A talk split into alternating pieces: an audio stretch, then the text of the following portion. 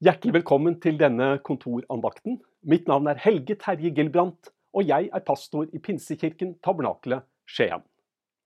Nå sitter jeg her på kontoret fordi vi grunnet covid-19 ikke har anledning til å samles. Slik blir det neste søndag også, men vi håper at søndag 30. mai at vi da igjen kan samles i kirka vår.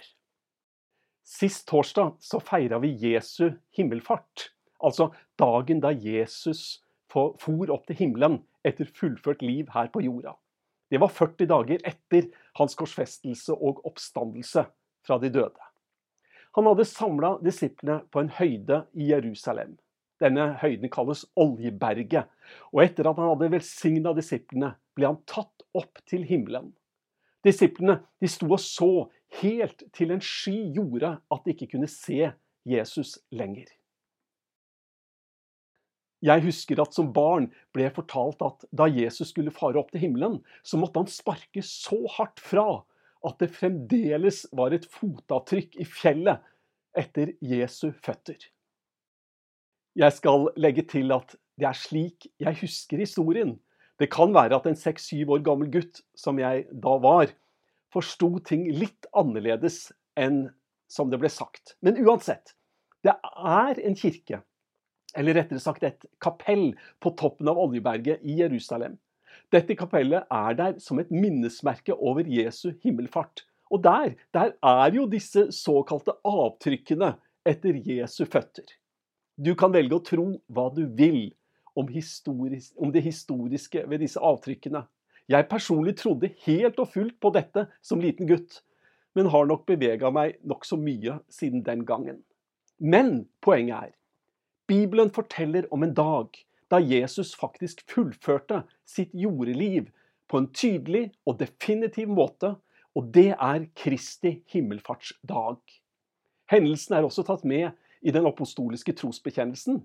Der står det jo slik som dette at Jesus for opp til himmelen, sitter ved Guds, den allmektige Faders høyre hånd.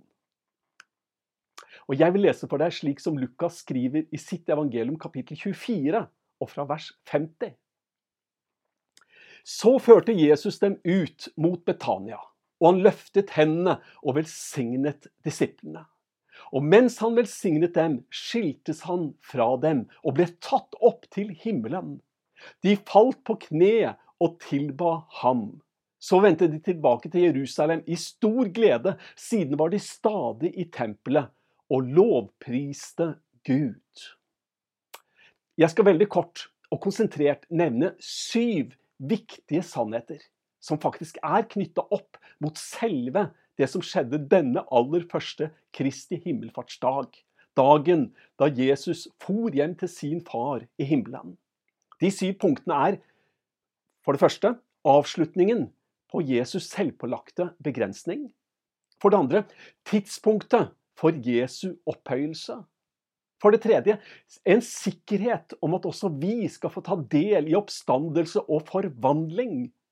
Og for det fjerde så er det begynnelsen av Jesu nye overprestelige tjeneste. Og for det femte så viser det at det muliggjør utsendelse av Den hellige ånd. Og for det sjette Jesus kan gjøre i stand, og han gjør i stand en bolig for alle som tror på ham. Og for det sjuende så er det en viktig del av forberedelsen til Jesu gjenkomst. En liten kontorandakt som dette, som skal vare ja, snaue 15 minutter, så sier det seg jo selv at det, dette her blir bare i nærmest stikkordsform.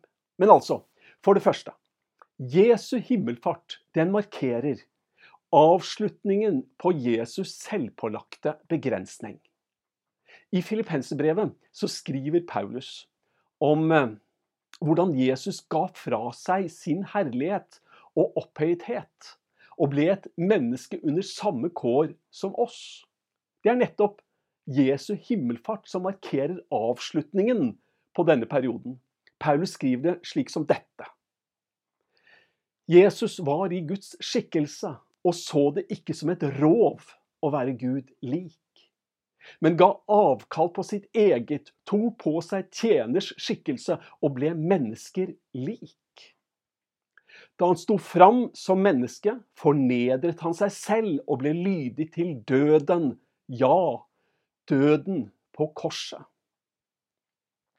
Jesus var Guds sønn i bestemt form under hele sitt jordeliv. Men Guds storhet syntes ikke. Det var en fornedrelse som Jesus villig og i kjærlighet tok på seg. Jesus er og var sann Gud og sant menneske, men han er ikke lenger kledd i fornedrelse og lidelse. Jesus var lydig til døden, ja, døden på korset. Og Jesu himmelfart er en tydelig markering av at denne perioden med fornedrelse er fullført. Derfor følger punkt to helt naturlig og uatskillelig fra punkt én. For punkt to er Kristi himmelfartsdag markerer tidspunktet for Jesu opphøyelse. Johannes siterer Jesus i Johannes evangelium kapittel 17 vers 5. Far, gi meg nå din herlighet, den herlighet som jeg hadde hos deg før verden ble til. Altså, ved Jesu himmelfart kan vi se hvordan denne bønnen av Jesus ble besvart. Paulus i Filippensbrevet eh, i kapittel 2 vers 9 sier Derfor har også Gud opphøyd Jesus til det høyeste og gitt ham navnet over alle navn. I Jesu navn skal derfor hvert kne bøye seg, i himmelen, på jorden og under jorden, og hver tunge skal bekjenne at Jesus Kristus er Herre, til, til Gud Faders ære. Altså, ved Jesu himmelfart er det, slik Paulus skriver i Efesber kapittel 1 vers 20, så er det om Gud som opphøyer Jesus og setter han ved sin side. Paulus skriver slik som dette. Med denne veldige makt og styrke reiste Gud Kristus opp fra de døde og satte ham ved sin høyre hånd i himmelen, over alle makter og åndskrefter, over alt velde og herredømme over alle navn som, nevn, som, nevnes kan, ikke bare i denne tid, men også i den kommende. Alt la han under hans føtter, og ham, hodet over alle ting, ga han til kirken, som er Kristi kropp, fylt av ham som fyller alt i alle. Du, for noen bibelvers! Og Jesu himmelfart den proklamerer denne posisjonen Jesus har i dag. Han er sann Gud fra evighet, den andre personen i treenigheten. Han er den som kunne si, og han sa det slik i, i Matteus evangelium kapittel 28 vers 18, Jeg har fått all makt i himmelen og på jorden. Sannheten om Jesu himmelfart proklamerer også at Gud fullt ut anerkjente Jesu fullførte gjerning på korset. Guds frelsesgjerning i Jesus Kristus er fullkomment utført, og vi kan trygt hvile i troen på Guds allmakt og Hans nådes handling mot oss. For det tredje, Jesu himmelfart viser at også vi skal få ta del i oppstandelsen og forvandlingen. Jesus er det første mennesket som i en nyoppstått kropp får komme til himmelen. Hebrebrevet i kapittel 6 vers 20 omtaler Jesus som en forløper for oss. Jesus blir vår garanti at den forvandling som Jesus ved sin oppstandelse opplevde, vil være tilstrekkelig. Ikke bare for Jesus, men for alle de som vil ta del i den samme forvandlingen. Da skal det forgjengelige bli bytta bort med uforgjengelighet. Det ufullkomne med det fullkomne. Paulus han forklarer dette for oss i Filippenserbrevet kapittel 3 og vers 20. For der står det Men vi har vår borgerrett i himmelen, og derfra venter vi Frelseren. Herren Jesus Kristus. Han skal forvandle våre skrøpelige kropper og gjøre dem lik den kroppen han selv har i herligheten. For han har makt til å underlegge seg alt. Etter vår oppstandelse fra de døde venter det også oss en kropp som er slik Jesu oppstandelseskropp var. Det er en kropp som vil passe perfekt inn i himmelen, i Gud den allmektiges nærhet. For det fjerde, Jesu himmelfart den markerer begynnelsen av Jesu nye overprestelige tjeneste. Ved sitt liv på jorden åpnet Jesus frelsens vei for oss alle. Ved sin himmelfart fortsetter Jesus en ny tjeneste. Det er å være ham som ber for oss. I tillegg til å be for oss, så representerer Jesus oss innenfor Gud. Jesus på en måte taler vår sak. Han eller hør her hvordan Hebrebrevet kapittel 7, vers 25 uttrykker det. Derfor kan Jesus også fullt og helt frelse dem som kommer til Gud ved ham, fordi han alltid lever og går i forbønn for dem. Og Johannes han skriver det om mulig kanskje enda klarere. Han skriver i 1. Johannes brev kapittel 2 vers 1. Mine barn, dette skriver jeg til dere for at dere ikke skal synde. Men om noen synder, så har vi en talsmann hos Far, Jesus Kristus den rettferdige. Han er en soning for våre synder. Ja, ikke bare våre, men for hele verdens. Jeg, jeg må gjenta. Jeg leste. Om noen synder har vi en talsmann hos Far, Jesus Kristus, den rettferdige. Han er en soning for våre synder. Ja, ikke bare for våre, men for hele verdens. Jeg er så takknemlig for Jesu himmelfart. Nå ber Jesus for oss, og han taler vår sak, altså representerer oss i himmelen. For det femte Jesu himmelfart muliggjorde utsendelsen av Den hellige ånd. Neste søndag skal vi feire pinse, så da skal jeg stoppe mer for dette. Men bare la meg lese hva Jesus sa i Johannes evangelium kapittel 16 vers 7. Det er det, det er det beste for dere at jeg går bort. For dersom jeg ikke går bort, kommer ikke talsmannen til dere. Men går jeg bort, kan jeg sende ham til dere.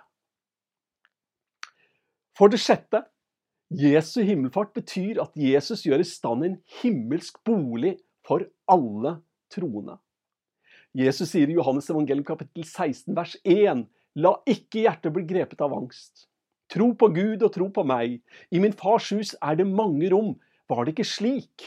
Hadde jeg da sagt dere at jeg går og vil gjøre i stand et sted for dere?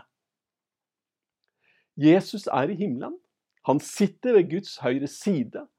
Og en del av hans oppgave er å gjøre ferdig en bolig for oss. Det er jo helt klart at dette er et billedspråk, men det er et språk med den dypeste mening. Jeg tror på Gud. Jeg tror på et evig liv. Jeg tror slett ikke at ved døden slutter alt. Jeg tror døden er en ny begynnelse. Det er det som er det store. Vi feirer Jesu himmelfart i overbevisning om at Jesus gjør i stand en bolig for oss i det himmelske. Og for det sjuende, og det følger nær knytta til punktet om at Jesus gjør i stand en bolig for oss alle troende. Altså for det sjuende. Jesu himmelfart det er en viktig del av forberedelsen til hans gjenkomst. Da disiplene på den aller første Kristi himmelfartsdag sto og så opp mot himmelen etter at Jesus var blitt tatt opp, var det plutselig engler som hadde noe viktig å si. Det står slik som dette i Apostlenes gjerning kapittel 1, vers 11. Som disippelen nå stirret mot himmelen mens han dro bort, sto med ett to menn i hvite klær foran dem og sa:" Galileere, hvorfor står dere og ser mot himmelen? Denne Jesus som ble tatt bort fra dere, opp til himmelen, han skal komme igjen på samme måte som dere har sett ham fare opp til himmelen. Når vi feirer Jesu himmelfart, gjør vi det med både glede, forventning og frimodighet. Jesus skal komme tilbake. Verden skal ikke for all tid preges av ondskap og ødeleggelse. Vi trenger ikke bli deprimert og motløse. Det kommer virkelig til å bli bra til slutt. Gud er på tronen. Jesus sitter ved Guds, Guds høyre hånd. Han kommer tilbake og vil opprette sitt rike her på jord. Vi leser om en tilværelse uten sykdom, uten død, synd, elendighet. Englene proklamerte dette den aller første Kristi himmelfartsdag. Og vi kan løfte blikket og se litt oppover. Jesus, han kommer. Han som komme skal, han kommer. Vel, kjære alle sammen. Dette var sju veldig korte bibelske tanker knytta til feiringen av Jesu himmelfartsdag. La meg bare repetere. Jesu himmelfart markerer For det første avslutningen av Jesu selvpålagte begrensning. To. Jesu himmelfart viser tidspunktet for Jesu opphøyelse.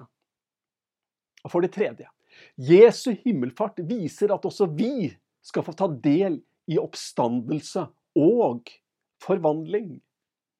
For det fjerde Jesu himmelfart markerer begynnelsen av Jesu nye overprestelige tjeneste, der han ber for oss å tale vår sak. Og for det femte Jesu himmelfart muliggjør Den hellige ånds utsendelse. Og for det sjette Jesu himmelfart gjør, markerer at Jesus nå gjør i stand en bolig for oss. Og for det sjuende Jesu himmelfart er en viktig del av forberedelsene til Jesu gjenkomst. Kjære alle sammen. Jeg vil benytte anledningen til å oppfordre deg til med takk og tilbedelse å ta imot Herrens velsignelse. Herren velsigne deg og bevare deg. Herren la sitt ansikt lyse over deg og være deg nådig. Herren løfte sitt ansikt på deg og gi deg fred. I Faderens, Sønnens og Den hellige ånds navn. Amen. Takk for denne stunda. Herren med deg og dine.